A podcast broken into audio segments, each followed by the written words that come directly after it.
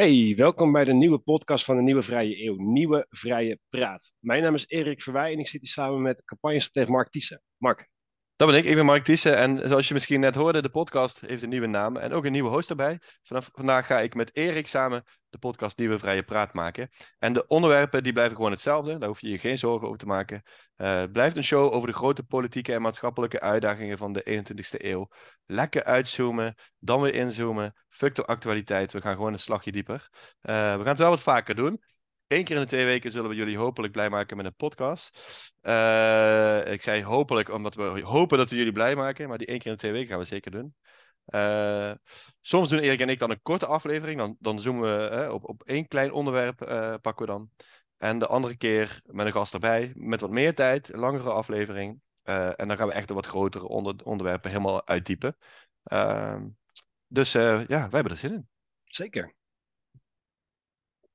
Hey, um, ik wil het vandaag met je hebben, Mark, over de Amerikaanse verkiezingen. Um, midterms zijn geweest de afgelopen week. En um, ik was best zenuwachtig van tevoren, kan ik je zeggen. Was je zenuwachtig? Ja, gek hè? Ja, het Hoe uitzicht dat? Het, uh, slecht slapen, klamme handjes, een beetje uh, onrustig, s'nachts nog een keer je Twitterfeed doorscrollen, weet je wel. Je kent het allemaal wel. Nee, kijk, het zijn natuurlijk verkiezingen die ons niet direct raken. kijk, besluiten over Amerikaanse wetgeving hebben niet nou direct impact op wat we in Nederland zien.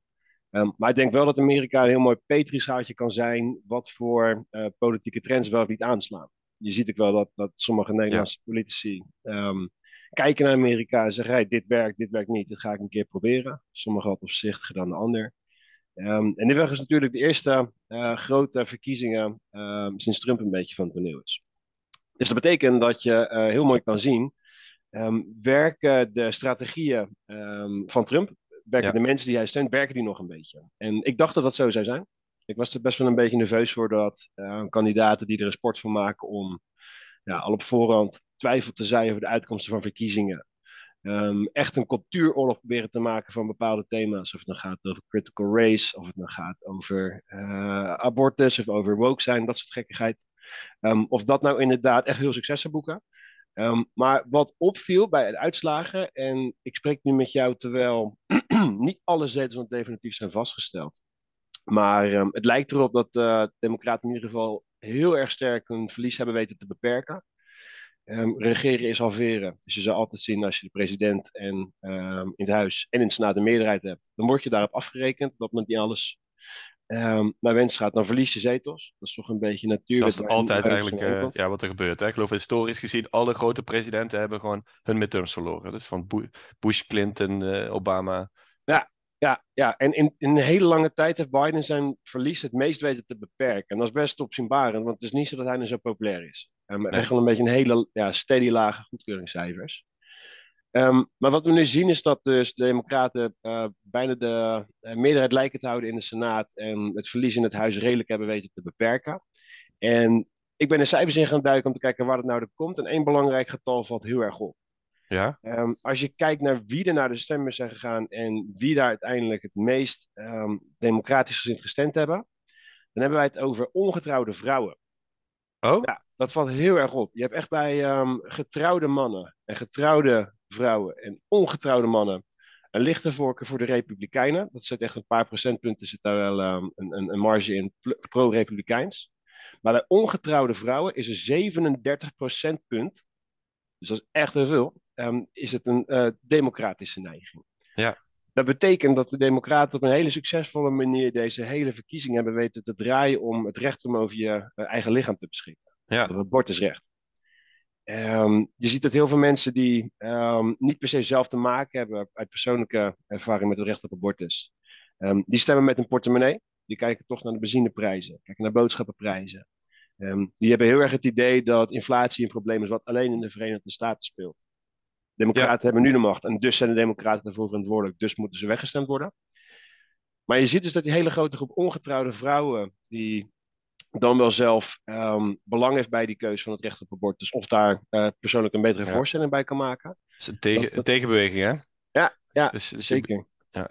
Ik, ik luisterde een hele interessante podcast van uh, de New York Times, die Daily gisteren. Ja, ja. Heb je die, heb je die ook gehoord? Dat ging over, dat een kerel had uh, ook een data-analyse gemaakt en die zei, er zitten heel grote verschillen tussen de staten waar niet abortus en democratie on the ballot waren. Dus daar bedoelt hij mee, als je een staat had waar een kandidaat was of een beweging was om abortusrechten in te perken, uh, of als in die kandidaat bijvoorbeeld een uh, stop de steal kandidaat was, of al een democratische of een republikeinse uh, gouverneur die bijvoorbeeld zei: Als ik win, gaan we nooit meer een verkiezing verliezen hier. Mm dan zag je dat, dat de Democraten winnen. Maar in de staten waar het eigenlijk geen issue was, had je wel de normale midterm-uitslag, namelijk een grote, grote nederlaag voor de democratische kandidaten. Ja. Dus het is echt super interessant. Klopt. Nee, je merkt inderdaad dat, dat, dat het blijkbaar echt een, een hot button issue is. Een, een, een, een onderwerp waar mensen boos of kwaad of verontwaardigd van worden. En dus echt terecht ook, in plaats van thuis blijven. Ja, 100%.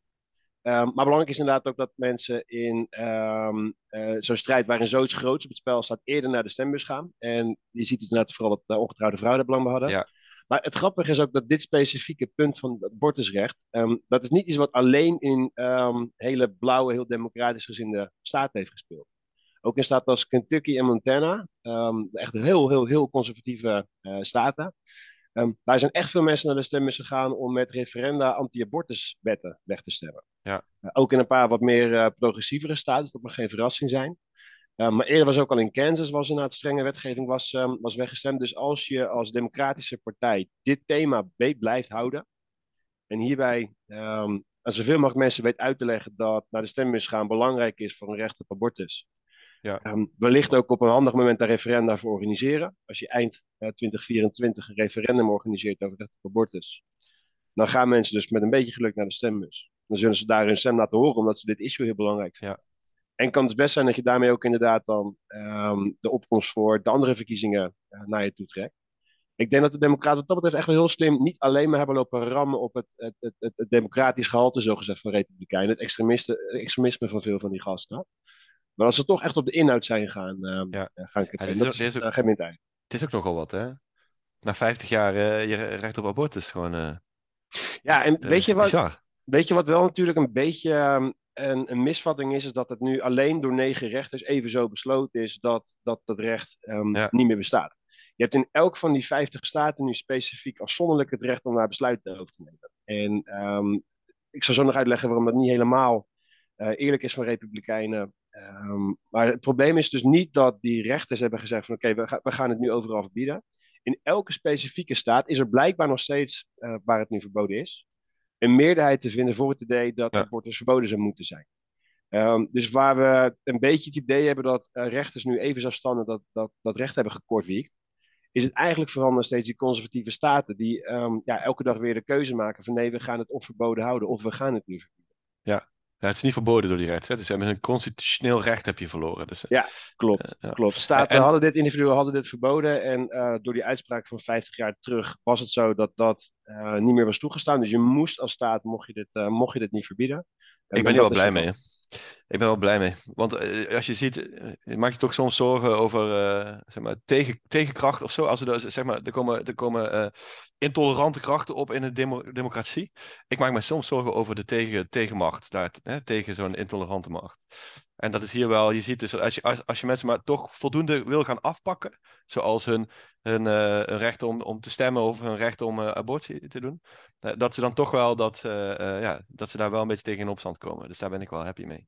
Ja, soms kan zo'n zo'n zo'n hele lelijke of nare ontwikkeling kan inderdaad mensen wakker maken. Zich laten besluiten van, hé, hey, wacht even, als ik niet naar de stembus ga en ik laat het over aan, aan oudere kiezers die ja, ook over andere thema's zoals klimaatopwarming uh, al lang niet meer de, de gevolgen ervan mee gaan krijgen. Uh, Maar ik laat de besluiten nemen door anderen die er niet door geraakt worden. Dan heb ik zelf eigenlijk geen zeggenschap meer. Dan verlies ik het recht om over mezelf te beschikken. En wacht eventjes, misschien dat dit voor mij de wake-up call is om toch vaak naar de stembus te gaan. Um, en dat is in dit geval niet echt overduidelijk voor de Democraten gust uitgevallen. Het enige waar ik van denk, uh, nou, ik ben best nog wel bezorgd, nog steeds. Kijk, als, je, als je steeds op één verkiezing inzoomt, dan uh, loop je het risico dat je de rest niet, niet meer ziet. Hè? En, uh, Trump heeft eigenlijk maar één verkiezing in zijn leven gewonnen. En zelfs die niet echt. Hè? Dus in 2016 heeft hij gewonnen. Maar niet, niet echt de popular vote volgens mij niet. Nee. daarna heeft hij alle verkiezingen zijn verloren. Hè? Dus de midterm van Trump heeft hij verloren. Zijn tweede presidentsverkiezing heeft hij verloren. En nu verliest hij eigenlijk weer... ja, hangt eraf van wie het vraagt. Uh, de, als je de verstandige mensen vraagt, zullen ze zeggen dat hij het verloren heeft. Uh, en nu verliest hij weer. Dus eigenlijk hebben ze altijd verloren. Met die Trump, Trumpistische uh, aanpak. Hè? Dus, dus op zich is het geen verrassing. Gewoon, uh, bij de ballot verlies je met deze aanpak. Nee, het is natuurlijk toch een man die um, gematigde mensen of de partij uitjaagt of kiel haalt of op een andere manier inderdaad wegwerkt. En je hebt een hele kleine, steeds geconcentreerder wordende um, hardcore mega base, zo gezegd. En die krijgen veel van elkaar. Zeker als je op de juiste plekken die neerzet, zodat ze ja, toch uitslagen aan de hand kunnen zetten. Of echt met hele uh, specifieke, echt culture war issues. Mensen boos en verontwaardigd weten te maken. Um, maar uiteindelijk ga je gematigde mensen ga je vervreemden. Ga je van je afduwen en die ga je kwijtraken. En ja, ja je hebt uh, toch gewoon radicalisme, radicalisme kan je bijna niet terugdraaien. Hè? Dus, dus uh, ik vermoed niet dat die mensen nu minder radicaal worden. Er wordt, er wordt soms, ik las dat ook in, in kranten, eh, dat er dan gezegd wordt, nu zullen de Republikeinen dan wel eens gaan, gaan zitten met elkaar en naar de cijfers kijken en dan zullen ze wel concluderen dat dit niet de beste aanpak is. Maar dat is helemaal niet waar het die mensen om gaat. Hè? Zeg maar, die, die radicale vleugel is nooit de hele Republikeinse uh, kiezersachterban. Dat is, maar dat is, dat is een, de helft daarvan of zo is inmiddels redelijk geradicaliseerd. Die gelooft ook in die stop de stiel. Mm. Uh, ja, die gaan niet ineens zeggen, oh nu, nu zullen we dan maar even een stapje minder radicaal zijn. Dat gaan ze niet doen. dus, dus, dus die dreiging is nog helemaal niet voorbij. En wij denken heel erg vanuit democratische uitslagen van, eh, van, eh, van verkiezingen. Dus we kijken, oh kijk, de meerderheid is blijkbaar niet eens met gekken. Dus het is weer een beetje safer. Maar eh, als jij kijkt naar de geschiedenis, wat zijn de dramatische omwentelingen in politieke staten, ook in democratieën? Dat is nooit omdat de meerderheid dat, die radicale omwenteling wilde. Het is omdat er een hele radicale minderheid is die gewoon niet loslaat. En mhm. die, die ook de spelregels wil veranderen of gewoon de boel. dat zag je op 6 januari, uh, dus, die, die, die kapitoolrellen. Ze gaan gewoon op een andere manier proberen om hun zin te krijgen. Dat is waar ik bang voor ben. Dus ondanks dat het gewoon nu echt wel duidelijk is, dit is zeker geen meerderheid van de Amerikaanse kiezers, kan ik me goed voorstellen dat, dat die radicale vleugel alleen maar radicaler wordt. Ook in hun middelen. Ja, dat. Um, daar maak ik me zorgen over, want je ziet echt wel inderdaad dat die strategie van ik ga de uitslagen van verkiezingen ontkennen en ik, ik doe gewoon alsof, alsof, alsof er fraude is omdat ik niet gewonnen heb. Um, dat was nieuw in 2016. Hè? Dat zag je niet op de, in 2020. Dat zag je echt niet eerder op dezelfde schaal. Wat je nu de afgelopen periode hebt gezien, dat je echt in veel verschillende races, het is bijna niet echt nieuws meer, dat verschillende kandidaten toch even ermee gaan flirten. Toch gaan proberen van, hé, hey, wacht even, ja, ik, ik, heb, ik sta nu op achterstand, maar zou het niet te maken kunnen hebben met die rare berichten over uh, dozen met stembus? Dat is niet eens nieuws meer. Dus dat betekent dat dat soort um, strategieën, uh, dat die genormaliseerd worden. Dat die misschien ook vaker uitgerold zullen worden. En nog belangrijker, Um, ja, die mensen hebben nu een beetje daarmee kunnen oefenen. Die hebben een beetje kunnen proeven, hey, wat werkt, wat werkt niet. Uh, welke drempels kom je tegen? Wanneer ga je te ver? Welke vangrails kom je dan? Uh, in, wanneer komen die in zit? Dus als je dat op een gegeven moment weet te verfijnen en bij te slijpen, dan zou het er wel eens een keer heel vervelende uitslagen kunnen ja. Ja, ik heb, ik heb dat boek van, uh, wat ik vaker wel op, ook heb genoemd, van die Liliana Mason, Een Civil Agreement. Mm -hmm. Zij uh, heeft onderzoek gedaan naar gepolariseerde kiezers in Amerika. En er komt dus uit dat. Uh, en de Republikeinen zijn natuurlijk echt het meest gepolariseerd. Hè? Zeker aan de, aan de MAGA-kant. Uh, dat, waarom zij dingen willen, is niet omdat ze zelf willen winnen. Maar omdat ze willen dat de tegenstander verliest. Dus ze komen dan van die, van, die, van die testen uit. Dan vraag je aan een Republikeinse kiezer, gepolariseerde Republikeinse kiezer, vraag je: Ben je het eens met dit beleidsvoorstel A? En dan zeggen ze ja. En vervolgens wordt er meegedeeld: oké, de Democraten zijn het er ook mee eens. Dus zullen we dit dan door, door de Senaat gooien? En dan zeggen ze: nee, dat willen we niet. Dus ze hebben liever dat ze niet een zin krijgen op beleid, dan dat ze. Dat, dat ze, hè, ze zien gewoon liever een tegenstander verliezen. En dat is wel echt destructief hè, in een democratie. Dus ik zat daarover te denken: wat is nou een vergelijking waarbij je dat kan. Normaal gesproken ga je verkiezingen in omdat je wil dat je degene op wie je stemt, dat die wint. Maar als jij meer wil dat de tegenstander verliest, dan ga je ook gewoon heel anders nadenken over wat zo'n democratie is. Hè? Dus als jij een voetbalwedstrijd hebt en jij gaat voetballen met jouw team, dus ik ben van NVV of zo. Je ook niet geen, geen geheim, geen geheim, ik mhm. ben daar open over. Ik wil dat NVV wint. Daarom ga ik naar die wedstrijd. Dus ik, ik, dat betekent dat ik hou, hou mij als supporter ook een beetje in. Ik ga niet uh, het veld oprennen of zo. Gewoon, ik wil dat, die, dat ze die wedstrijd afsluiten met een overwinning.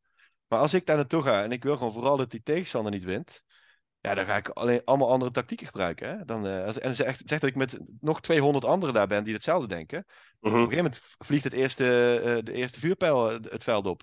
En als je, als je achter staat, dan gaan we, eens even, gaan we eens even het veld oprennen. En dan zorgen we dat die wedstrijd gestaakt wordt. Dus je gaat ineens hele andere dingen doen, omdat je doel gewoon totaal veranderd is. Helemaal waar. Ik heb een keer een interview gelezen met een, een, een, een, toen was dat een Trump-stem, 2019 of zo. Dan had je op een gegeven moment dat je die government shutdowns, weet je wel, dat er niet de juiste wetten waren aangenomen om de begroting wat meer ruimte te geven.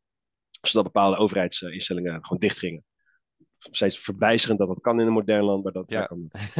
Die, um, die gaf een interview en die werd gevraagd: wat, wat vind je er nu van dat die um, uh, overheidsinstellingen dichtgaan? Toen gaf die man aan, heel boos en teleurgesteld in Trump: He's not hurting the people he needs to be hurting. Hij doet niet de juiste mensen pijn, weet je wel? Um, dus dat betekent dat je eigenlijk verwacht van, van, van je leider, als je zoiets zegt, dat hij er is om anderen pijn te doen, om anderen kwaad te doen. En wacht even, oh shit, dan gaat hij ook mij uh, aanvallen. Nu ben ik hierdoor geraakt. Ja. Um, en ik geloof ook echt wel dat niet iedereen er zo in zal zitten. En dat er ook democraten zullen zo in de wedstrijd zitten. Maar er is wel veel zeggen. Dat je toch best wel een, inderdaad een grote, groep hebt, een grote groep hebt die wat jij zegt. Um, er niet voor is om hun eigen belang te dienen, maar vooral om dat van de ander zoveel mogelijk pijn te doen. En dat is best um, ja, deprimerend om dat te lezen. Zeker, zeker eigen gevaarlijk. Ja. En uh, nou, wat, dus als, uh, als, ja, als historicus waar ik extra bang voor word, is dat het altijd maar een kleine groep is die de boel echt in de fik steekt en voor een radicale omwenteling zorgt. Hè. Dus we hoeven, het gaat niet om, is de meerderheid van de Amerikanen zo? Als een kwart zo is, heb je echt een gigantisch probleem. Daar staat dan tegenover dat ook een hele kleine groep mensen met positieve bedoelingen um, ook wel in staat zijn om verbeteren. Wat zei die? Uh, Ongetrouwde vrouwen dus. Dat zijn nu onze nou, nieuwe helden. Precies. Ja, precies. Uh, ja, je, je moet uh, jonge vrouwen nooit, um, nooit boos maken. Die kunnen echt, dat zie je in andere landen ook. Die kunnen echt van een hele sterke Iran. Noem het op. Ja, die kunnen echt wel een, um, een, een, beweging op, op gang krijgen. Ja, wie, weet, ik, wie weet zien we daar nu de eerste tekenen van. Ik zit, zit een beetje aan het einde van de podcast, dus gelukkig hoort niemand dit. Maar ik, ik ben er echt eigenlijk wel voor dat we gewoon een meerderheid vrouwen in de politiek hebben inmiddels. Daar valt wat voor te zeggen. Ja. Daar valt wel wat voor te zeggen, ja. Het voordeel heeft zijn nadeel, maar daar valt wat voor te zeggen. Ja. ja. Als je ongetrouwd of getrouwd maakt, maar dan verder ook niet meer uit. Heel goed. Gewoon meer vrouwen. Dat is een positieve afsluiter. Leuk. Vind ik wel. Ja, ook wel een keer wat anders. Ja, nice man. Oké, leuk. Eerste aflevering. Spreken elkaar snel weer. Gaan we wel door, hè? Ja, gaan we door. Yes. Mazzel. Hoi.